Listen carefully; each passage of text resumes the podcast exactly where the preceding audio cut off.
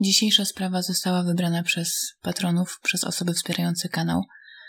I myślę, że dosyć dobrze pokaże nam, że w naszym życiu nie wolno nikomu ufać i musimy bardzo uważać na to, komu powierzamy nasze tajemnice. Dziś przeniesiemy się do Bielska, które jeszcze dawniej było osobnym miastem, leżało obok Białej. Dziś jest to Bielsko-Biała, ale ulica, na której działy się te wydarzenia, nadal istnieje, a kamienica nadal stoi. Zapraszam Was na dzisiejszy odcinek.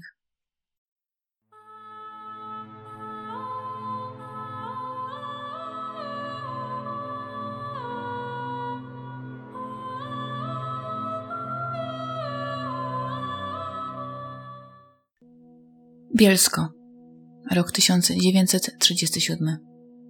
W dwupokojowym mieszkaniu mieszczącym się przy ulicy Cieszyńskiej 25 mieszkała 74-letnia wdowa Henryka Silbiger. Pomimo utraty męża, Henryka nie mieszkała sama. Wraz z nią żył bowiem jej 52-letni syn, który już wiele lat wcześniej uzyskał tytuł doktorski. Zygfryd Silbiger prowadził z powodzeniem swoją kancelarię adwokacką. Rodzina Silbigerów była bardzo znana i szanowana w swoim mieście. Mieszkańcy Bielska doskonale zdawali sobie sprawę, że jest to rodzina dosyć majętna.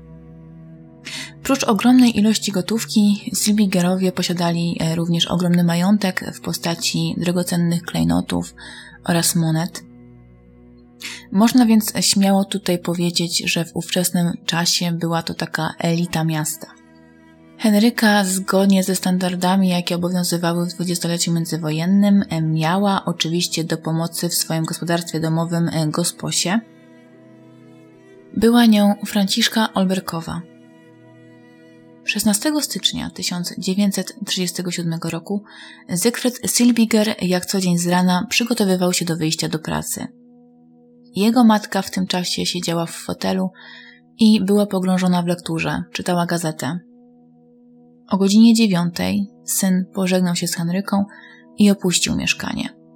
W chwilę później mieszkanie opuściła również Olberkowa, która jak co dzień udała się na targ po zakupy. Starsza kobieta została więc sama. Kiedy gosposia wychodziła, jej chlebodawczyni nadal siedziała w fotelu, czytając poranną gazetę. Ten dzień zaczął się typowo, jak każdy inny w tej rodzinie, ale już po chwili okazało się, że tym razem nie wszystko pójdzie tak gładko jak codziennie.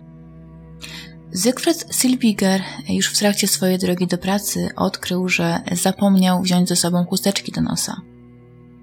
Można powiedzieć, że to nic takiego, ale był to mroźny styczeń. W tamtych latach ogrzewanie nie było takie popularne jak teraz. Cały dzień w pracy bez chusteczek byłby więc dosyć ciężki do przeżycia. Chusteczka w jego kieszeni była więc obowiązkowa. Silviger był jednak taką bardzo obowiązkową postacią i przykładał dużą wagę do swoich obowiązków, tak więc nie chciał zawracać do swojego mieszkania, ponieważ bał się, że spóźni się do swojej pracy, a tym samym jego kancelaria zostanie otworzona z opóźnieniem. Takie zachowanie byłoby nie na miejscu, a on przecież był szanowanym w mieście mecenasem. Poszedł więc prosto do swojego biura, skąd zatelefonował do mieszkania. Chciał poprosić swoją matkę, aby Franciszka Olberkowa przyniosła mu zapomniane chusteczki. Silbiger wykręcił więc numer, ale nikt nie podnosił słuchawki. Początkowo mężczyzna zaczął się niecierpliwić, ale po chwili już w jego sercu zagościł niepokój. To było niecodzienne, żeby w jego mieszkaniu nikt nie podszedł do telefonu, ponieważ jego matka zawsze była w mieszkaniu, prawie zawsze, a jeżeli nie ona, to na pewno była ich gosposia. Już miał się rozłączyć, kiedy usłyszał charakterystyczny trzask świadczący o tym, iż ktoś właśnie odebrał telefon. Początkowo mężczyzna poczuł nawet ulgę, ale już po chwili jego niepokój wzrósł, ponieważ po drugiej stronie usłyszał męski, zachrypnięty głos. Zdecydowanie nie był to głos ani jego matki, ani jego gosposi. Silbiger próbował więc dowiedzieć się, z kim ma przyjemność, lub w tym wypadku akurat nieprzyjemność, ale mężczyzna po drugiej stronie słuchawki nie był skory do rozmowy. Mruknął coś pod nosem i szybko odłożył słuchawkę. Połączenie zostało przerwane. Silbiger poczuł pewne napięcie oraz strach. To nie była sytuacja, która zdarzała się często. Do jego mieszkania raczej rzadko zaglądali goście, a jeżeli już zaglądali, to on na pewno o tym wiedział. Kim był więc mężczyzna, który odebrał telefon? Silbiger szybko wykręcił numer do pobliskiego składu węgla i poprosił, aby ktoś udał się do jego mieszkania i sprawdził, czy aby na pewno u jego matki wszystko w porządku. Właściciel składu węgla wraz ze swoimi pracownikami natychmiast spełnili tę prośbę i udali się pod drzwi mieszkania Silbigerów. Mężczyźni nie musieli nawet pukać, bo okazało się, że wszystkie drzwi były otwarte na oścież. Szybko okazało się, że nie tylko drzwi. W środku wszystkie szafki i szuflady leżały na podłodze porozbijane. Mieszkanie wyglądało dokładnie tak, jakby przed chwilą przeszedł przez nie jakiś tajfun. Mężczyźni weszli do środka. Przeszli przez pierwszy pokój i weszli do drugiego, w którym zwykle siedziała Henryka Silbiger. I faktycznie zauważyli staruszka, jak siedzi w fotelu z gazetą w dłoni, ale nie była to sytuacja tak jak na co dzień, ponieważ kobieta nie dawała oznak życia. Kiedy mężczyźni zbliżyli się do niej, byli już przekonani, że kobieta nie żyje, bowiem z jej czaszki wydobywała się krew. O całej sprawie natychmiast został poinformowany jej syn, a na miejsce zbrodni wezwano policję. Na miejscu ustalono, że w chwili napadu staruszka siedziała w tym samym fotelu, w którym po raz ostatni była widziana przez gosposię oraz syna, czyli intruzi musieli wejść do mieszkania dosłownie chwilę po tym, jak opuściła jego sposia. Cała ta sytuacja musiała rozegrać się bardzo szybko, ponieważ już po kilku minutach, kiedy Zygfryd doszedł do swojego miejsca pracy, do swojej kancelarii, wykonał telefon do swojej matki. Ale ona już nie podniosła słuchawki. Silbiger najprawdopodobniej więc słyszał po drugiej stronie jednego z morderców swojej matki. Mówię jednego, ponieważ policja zakładała, że najprawdopodobniej napadu musiały dokonać co najmniej dwie osoby. Początkowo przypuszczano, że Silbigerowa otrzymała cios w głowę tępym narzędziem, natomiast po dokładniejszych oględzinach okazało się jednak, że ktoś strzelił do kobiety, jak oszacowano, najprawdopodobniej z odległości około 3 metrów.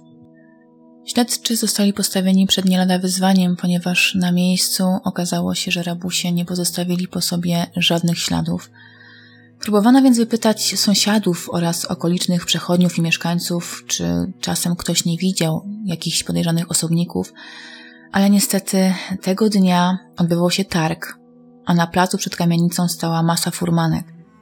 Panował bardzo duży ruch. Nikt więc nie zwracał uwagi na przechodniów, ponieważ było ich zbyt dużo.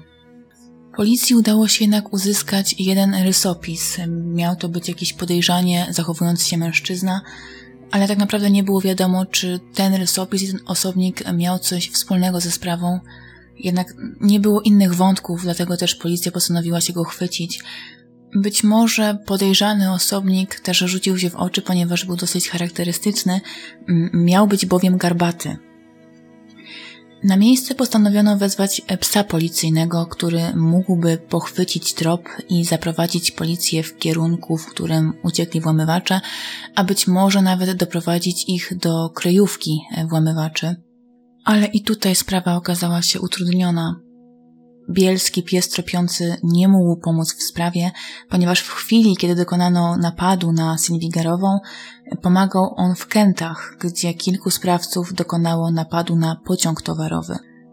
Pies policyjny wraz z przewodnikiem został wysłany do Bielska aż z Katowic. Zanim jednak dotarł na miejsce, trochę czasu minęło, a tak jak wspomniałam, na ulicach panował wtedy duży ruch, więc pies nie podjął zadowalającego tropu, a policja pozostała bez żadnych ważnych śladów, które mogłyby naprowadzić na napastników.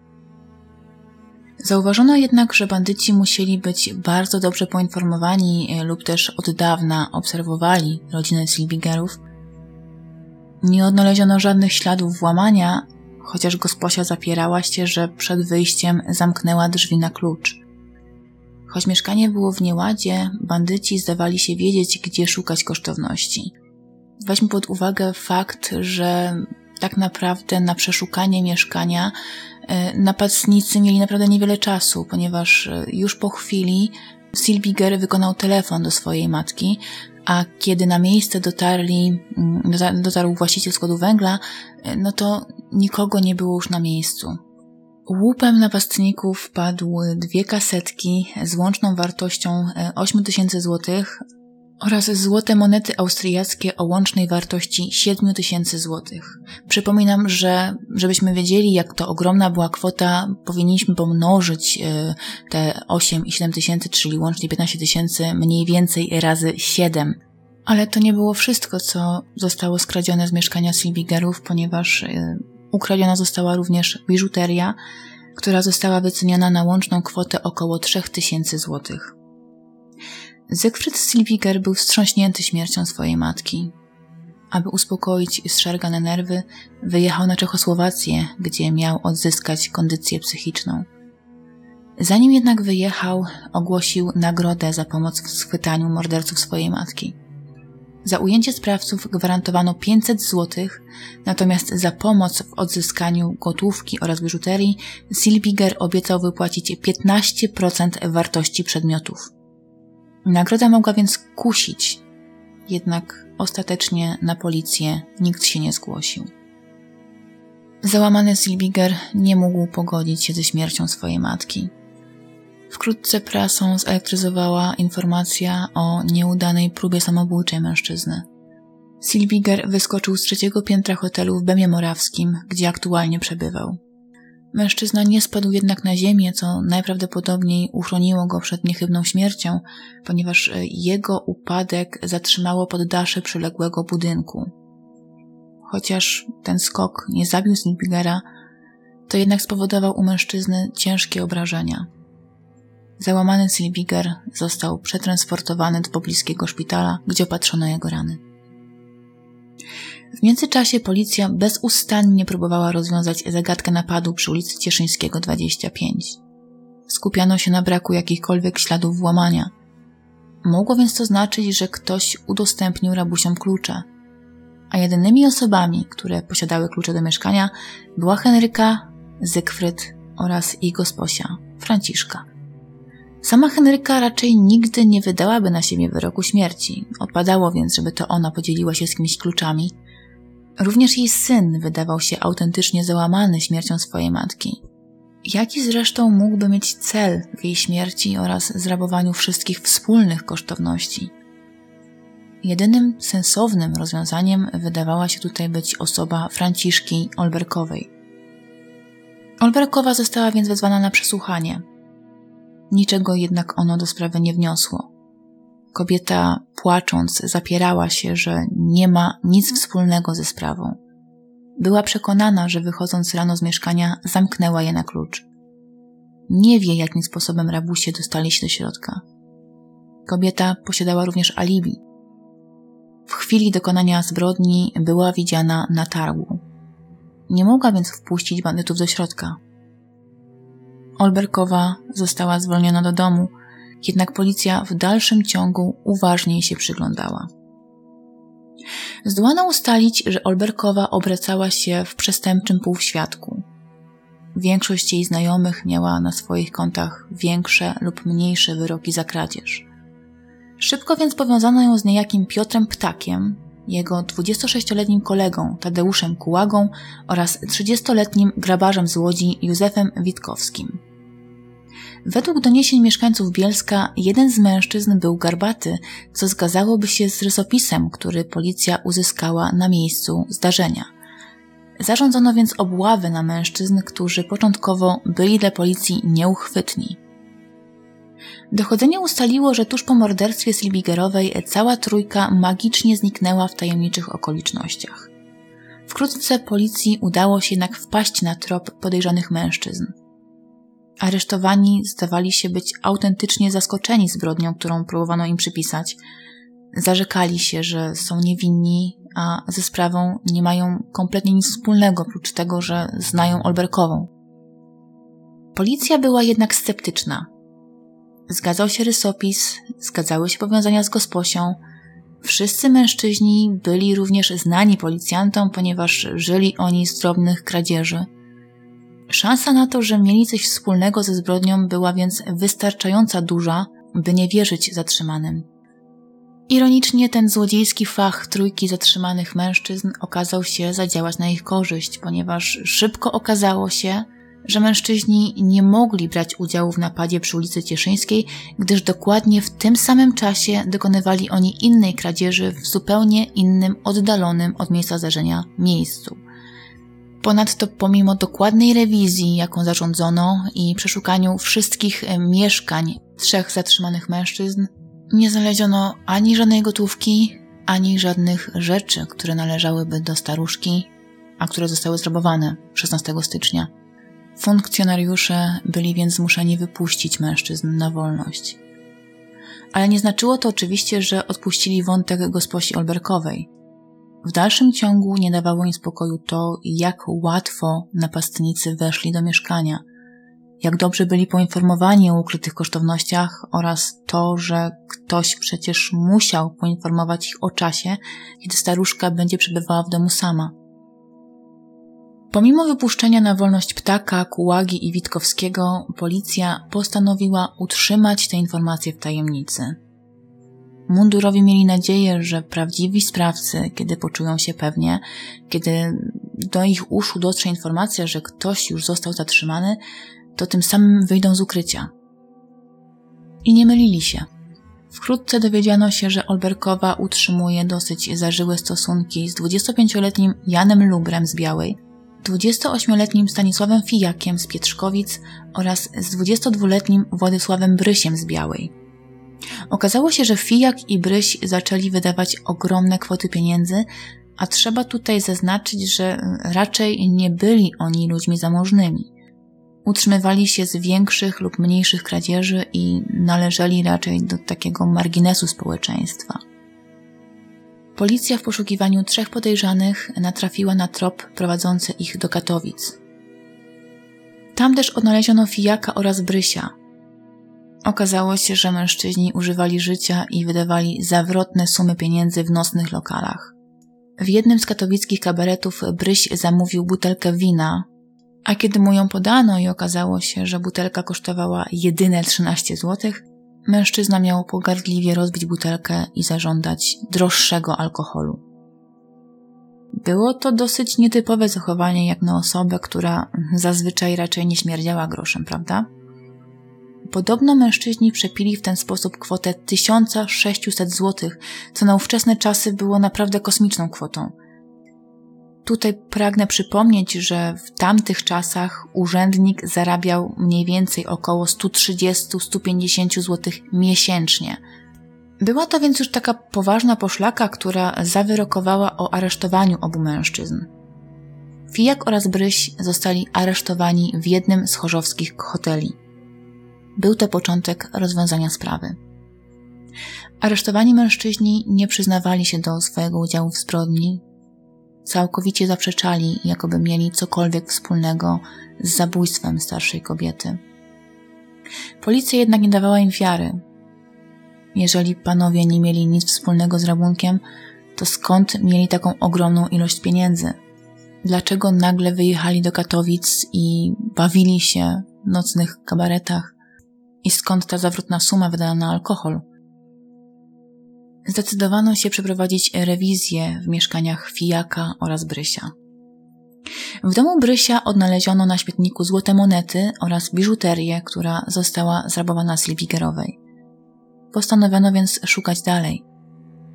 Na polu nieopodal domu, w którym mieszkał Bryś, odnaleziono zakopany rewolwer, na którym widoczne były ślady krwi.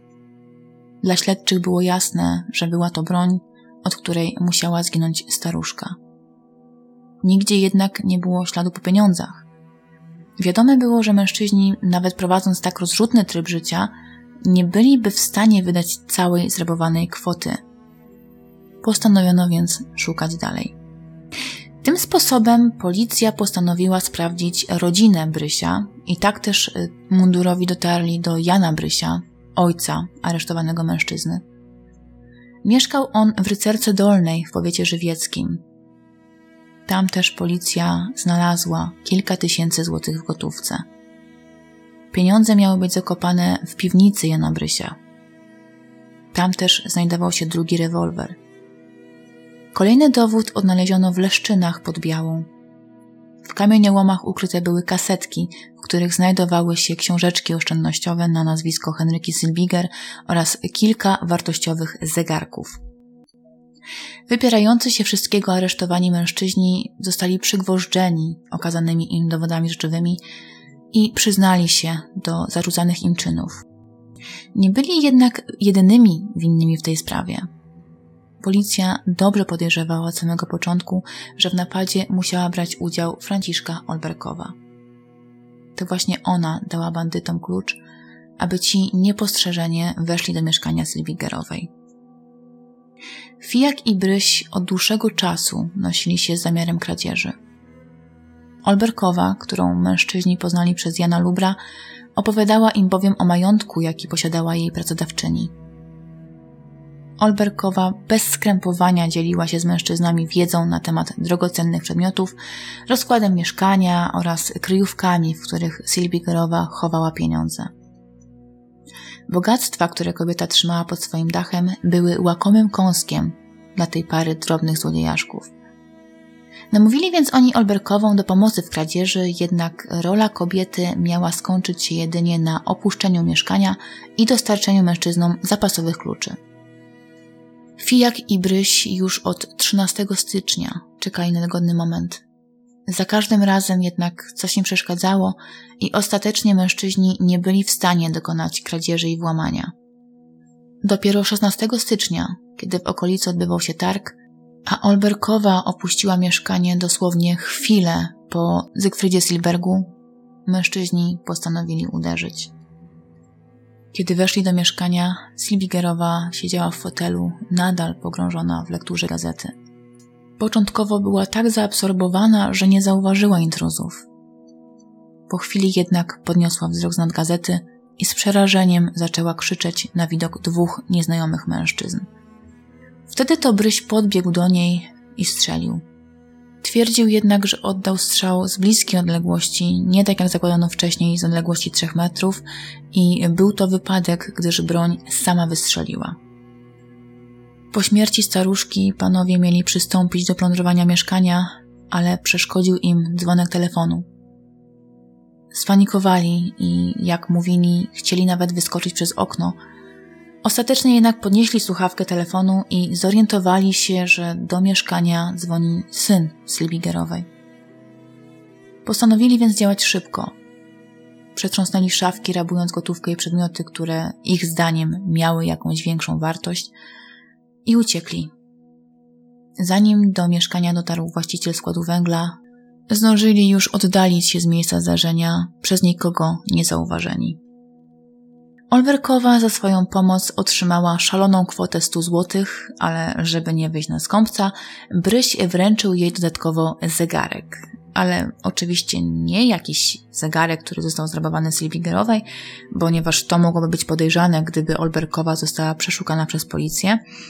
Bryś wręczył gosposi swój stary, znoszony zegarek, zakładając, że lepsze takie podziękowanie niż żadne.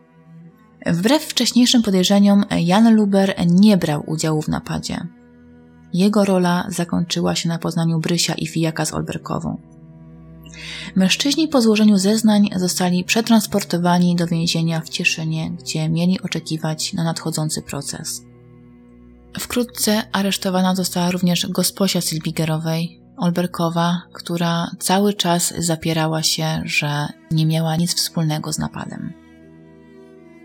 Akt oskarżenia zarzucał Władysławowi Brysiowi dokonanie morderstwa i rabunku, Stanisławowi Fijakowi rabunek oraz pomoc w morderstwie, Franciszce Olberkowej umożliwienie przestępcom dokonania napadu, a Janowi Brysiowi, ojcu Władysława, świadome przechowywanie zrabowanej kwoty 8 tysięcy złotych.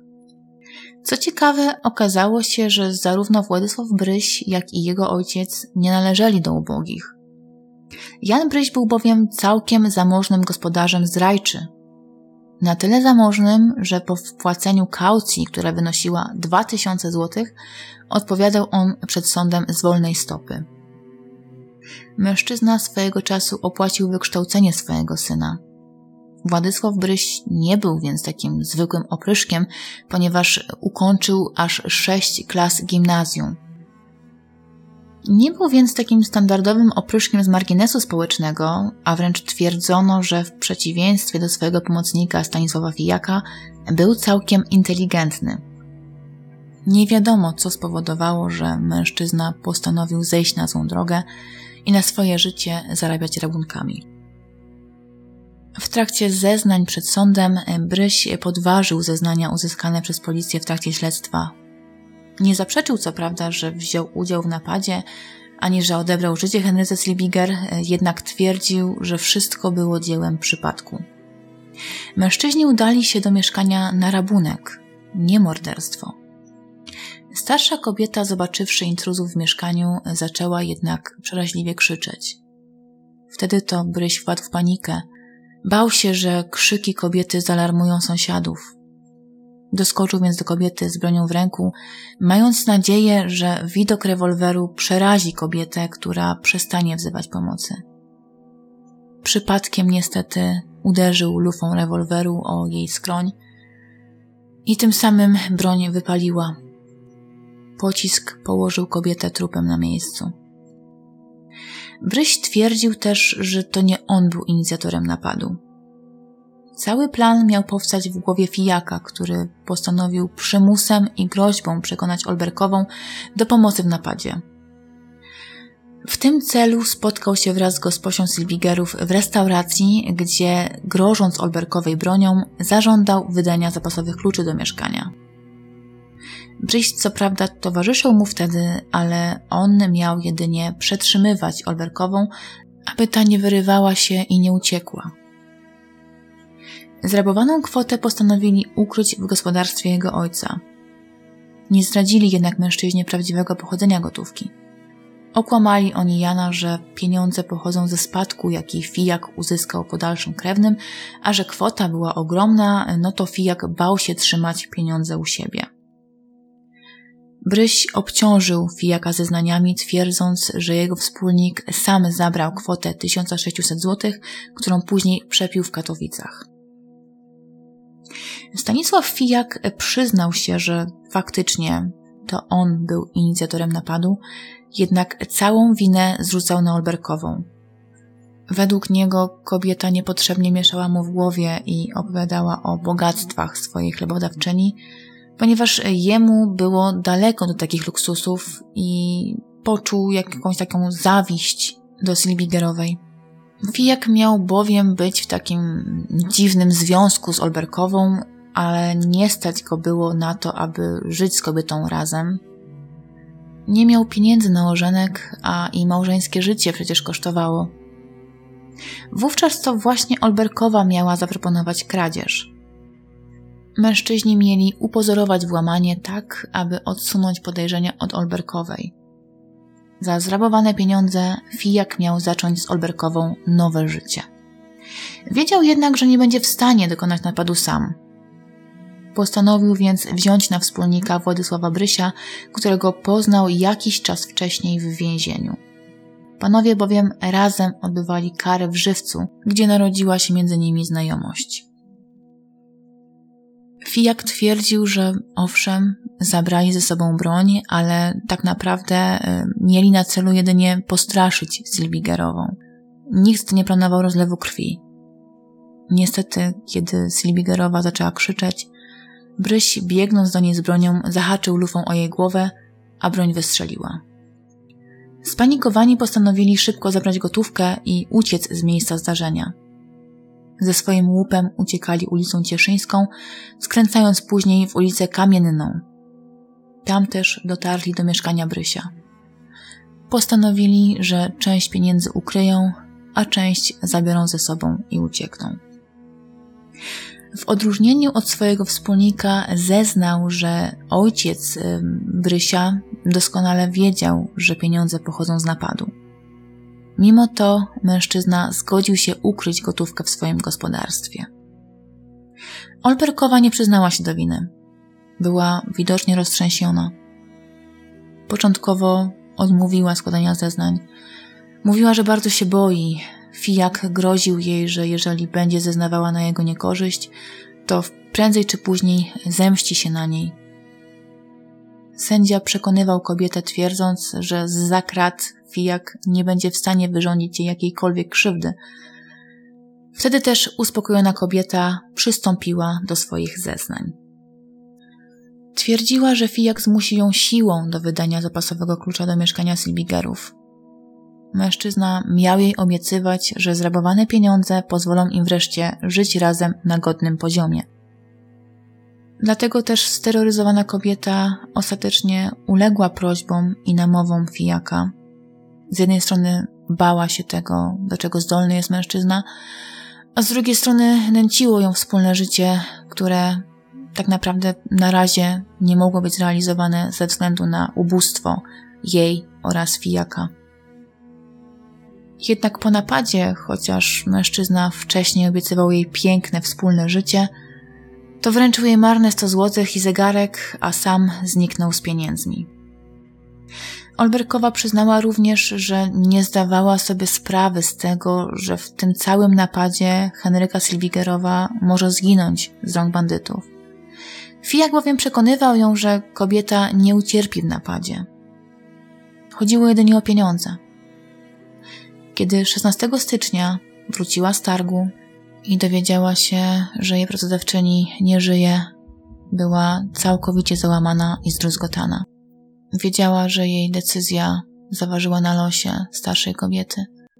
Wiedziała, że przyłożyła rękę do tego, aby Silbigerowa, starsza, zamożna kobieta, straciła życie bez powodu.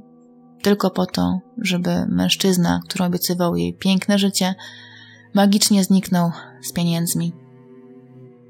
Jej zeznania były jednak sprzeczne z tym, co kobieta twierdziła podczas aresztowania. Olberkowa miała podczas zeznań przyznać się do zarzucanych czynów, co też zostało podkreślone na sali rozpraw przez prokuratora. Jan Bryś również zeznał, że nie był świadomy, iż pieniądze, które przechowywane były u niego, pochodzą z kradzieży. Podał jednak trochę inną wersję wydarzeń niż jego syn. Według niego Bryś z Fijakiem przekonywali go, że pieniądze pochodzą z emerytury. Bryś jednak wyczuł, że może być to kłamstwo, dlatego też początkowo oddał wszystkie pieniądze swojemu synowi i nie chciał mieć nic wspólnego z lewymi interesami swojego syna. Zdawał sobie bowiem sprawę, że tak ogromna kwota nie mogła pochodzić z emerytury, jego syn wraz z Fijakiem musieli dokonać jakiejś okropnej kradzieży. Mężczyzna postanowił jednak milczeć i nie poinformował policji o swoich podejrzeniach. Władysław zabrał całą gotówkę i na własną rękę ukrył pieniądze w jego drewutni.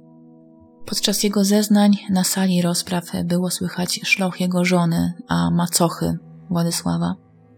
Kobieta była bowiem przekonana, że jej mąż trafi za kratki ani prasa, ani sąd nie dały bowiem wiary jego słowom.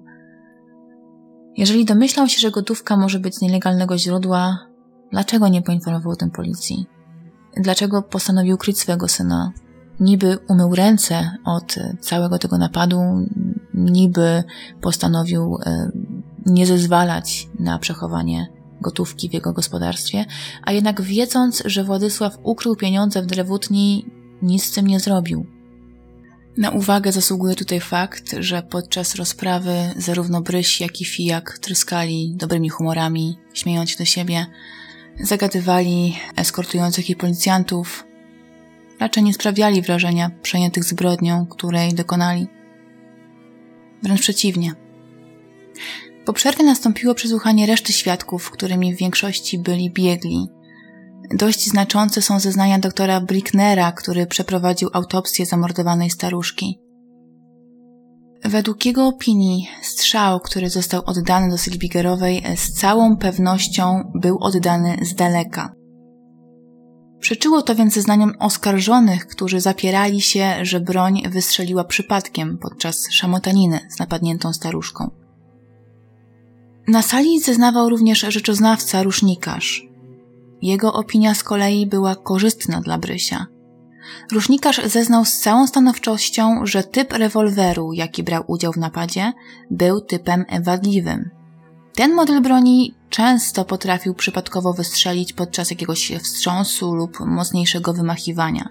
Było więc prawdopodobne, że broń po prostu faktycznie samoistnie wystrzeliła w momencie, w którym Bryś doskoczył do kobiety. Na korzyść dla oskarżonych przemawia również opinia Instytutu Ekspertyz Sądowych w Warszawie. Według niej Bryś oddał jeden strzał do kobiety, nie tak jak wcześniej uznawano dwa strzały. Tak więc również Instytut stwierdził, że prawdopodobieństwo tego, że broń wystrzeliła samoistnie, było bardzo duże. Prokurator upierał się jednak przy swoim zdaniu. Według niego strzał do Silbigerowej został oddany z premedytacją. Mężczyźni z pełną świadomością odebrali życie kobiecie, bojąc się, że jej krzyki zaalarmują sąsiadów. Domagał się więc najwyższego wymiaru kary. Obrońca prosił sąd o sprawiedliwy wyrok. A sprawiedliwy wyrok to taki, który nie będzie podyktowany szybką chęcią wymierzenia sprawiedliwości, a będzie oparty na logice, a logika przemawia za oskarżonymi, którzy twierdzili, że broń wypaliła samoistnie. To samo przecież potwierdzili biegli. Tym samym z drobnego złodziejaszka Bryś stał się niezamierzonym mordercą, a tym samym nie zasługiwał na wysoką karę. Dodatkowo obrońca podkreślał, iż w jego odczuciu największą winę za dokonaną zbrodnię, o dziwo, ponosiła Franciszka Olberkowa, która niepotrzebnie informowała swojego kochanka o bogactwie swojej pracodawczyni. To ona też dostarczyła klucze Brysiowi i Fijakowi. Przyłożyła więc rękę do tragedii. Mogła przewidzieć, że takie przechwałki i opowieści wzbudzą w jej znajomym, który przecież jest, był w zasadzie dosyć znanym złodziejem, taką chęć wzbogacenia się. Olberkowa słuchała tych oskarżeń z niedowierzaniem. Przez całą wypowiedź obrońcy płakała. Na podstawie werdyktu sędziów przysięgłych sąd wydał wyrok. Władysław Bryś został skazany na 15 lat pozbawienia wolności. Jego wspólnik, Stanisław Fijak, został skazany na 13 lat pozbawienia wolności. Franciszka Olberkowa usłyszała wyrok 3 lat pozbawienia wolności. Jan Bryś został potraktowany najłagodniej. Mężczyzna został jedynie ukarany karą grzywny, która wynosiła 300 złotych. Co ironiczne, ta grzywna wynosiła mniej niż poręczenie majątkowe, które wpłacił, aby móc odpowiadać z wolnej stopy i nie spędzać czasu oczekując na proces w areszcie.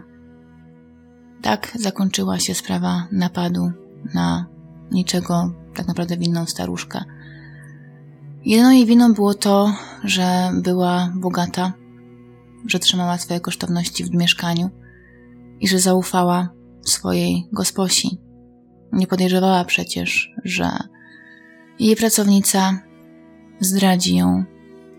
I tak naprawdę przypadkiem, bo przypadkiem, ale wyda na nią wyrok śmierci.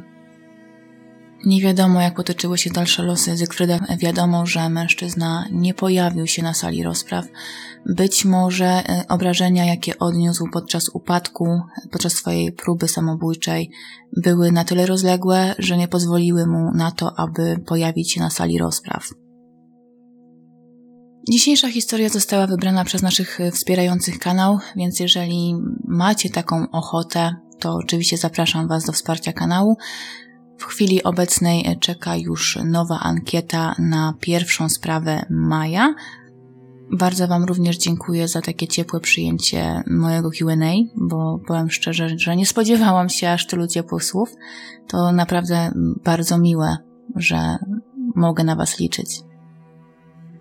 No i cóż, mi nie pozostaje w takim razie nic innego, jak pożegnać się z Wami i podziękować za wysłuchanie kolejnej, starej, już zapomnianej zbrodni. Mam nadzieję, że usłyszymy się wkrótce. Trzymajcie się ciepło.